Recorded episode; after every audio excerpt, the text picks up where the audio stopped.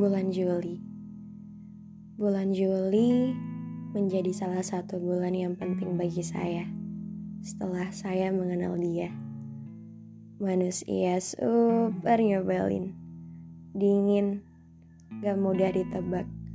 Yang bawaannya kalau baca balasan chatnya pengen sentil, cuek, dan jauh sekali dari kriteria pria idaman yang dulu saya bayangkan. Saya menyukai pria humoris yang bisa buat saya tertawa melengkapi kerecehan selera humor saya. Tapi juga bisa jadi pria romantis yang pandai buat saya tersenyum malu dengan kejutannya. Sampai akhirnya ketika saya mulai beranjak mendewasa, saya sadar bahwa yang lebih saya butuhkan adalah seseorang yang bisa menjadi rumah cerita saya, yang mau mendengarkan dan saling menenangkan, yang tidak marah kalau langkah saya melambat, yang tidak memaksa saya harus selalu kuat dan menerima sisi manusiawi saya. Ya, kalau dipikir-pikir, dia yang saya ceritakan di awal tadi itu sikapnya jauh dari kata manis. Tapi anehnya bisa buat saya tenang karena pemikirannya yang sederhana. Bisa buat saya tersenyum karena dia malu-malu nunjukin perasaannya. Bisa buat saya tidak terlalu tertarik mencari yang lain. Karena bagaimanapun dia yang paling menarik bagi saya dengan hal-hal unik yang menyebalkan. Banyak sekali kenangan yang datang ketika saya belum bisa tidur di tengah malam atau terbangun di pagi hari. Dan meski saya memikirkan banyak hal, momen bersamanya akan jadi salah satu bagian. Mungkin karena sejak dulu kita selalu bercerita apa aja sampai hal-hal sederhana sekalipun. Seperti lagi suka lagu apa, film apa yang udah kita tunggu lama.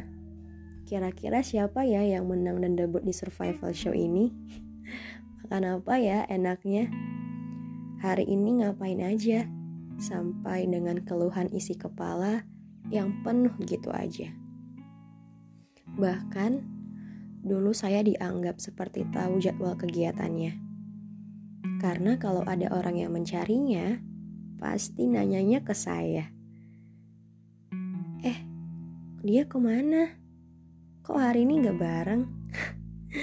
Seakan-akan saya itu tahu semua hal tentangnya. Hmm, kangen gak? Pasti mau bilang, kangen sih, tapi dikit. Dasar. Tapi kalau kata dia, dikit-dikit lama-lama jadi bukit kok. Yang berarti sebenarnya dia menabung rindu untuk saya, tapi terlalu gengsi mengakuinya. saya juga rindu kok. Rindu di mana saya nggak perlu mikir mau cerita tentang apa. Karena mungkin sekarang gak semua hal merasa penting untuk diceritakan kita merasa udah lebih kuat menjalaninya sendirian. Kita takut mengganggu karena menghargai urusan masing-masing. Kita juga mungkin gak punya banyak waktu luang yang sama lagi untuk saling bercengkrama. Padahal ya sebenarnya gak akan ada yang merasa keberatan dan terbebani.